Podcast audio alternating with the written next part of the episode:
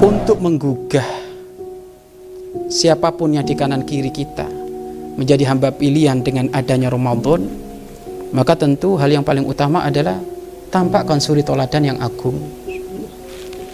Anakmu yang ditengok adalah ayahnya pemimpin rumah tangga. Istri yang ditengok kiblatnya adalah suami. Santri yang ditengok kiblatnya adalah gurunya. Jamaah yang dikiblat yang di, dikiblatkan adalah ustadznya maka beliau-beliau akan ketarik akan menjadi pribadi yang melakukan perubahan kalau beliau sudah menemukan suri toladan yang mulia. Maka kami menghimbau kepada siapa pun yang saat ini mungkin berada di wilayah dijadikan pemuka agama tampakkan.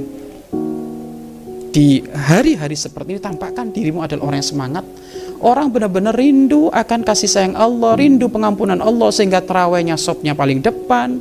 Sebelum mereka datang kita pun sudah datang kan gitu kan. Terus puasanya paling menjaga memperbanyak membaca Al-Quran. Insya Allah dengan adanya gambaran seperti ini artinya gambaran amalia yang kita tampakkan kepada beliau-beliau kita tanpa berucap ayo inti bangun malam ayo inti sholat raweh kayaknya tidak akan apa tidak tidak akan tidak akan susah.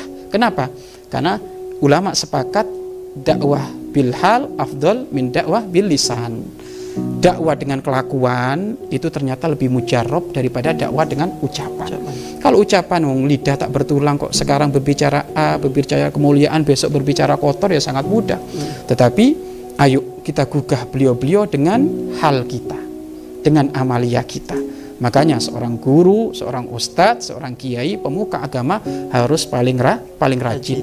Walaupun beliau-beliau adalah manusia, tentu ada sisi mungkin beliau lagi jenuh, lagi teledor. Akan tapi hal itu jangan ditampakkan kepada wilayah umum.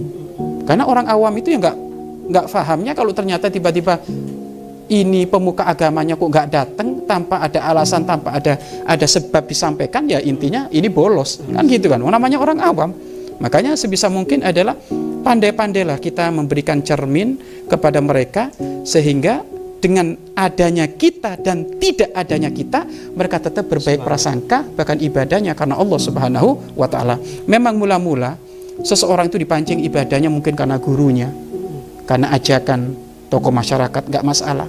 Tapi kami yakin dengan kehusuan yang ia pelajari di dalam menghadap kepada Allah pada waktunya ia sudah tidak lagi peduli dengan adanya mau ada contoh guru atau nggak ada contoh guru yang penting aku ibadah kepada Allah subhanahu wa ta'ala. Jadi intinya adalah untuk menggugah siapa pun di kanan kiri kita memberi suri toladan yang agung.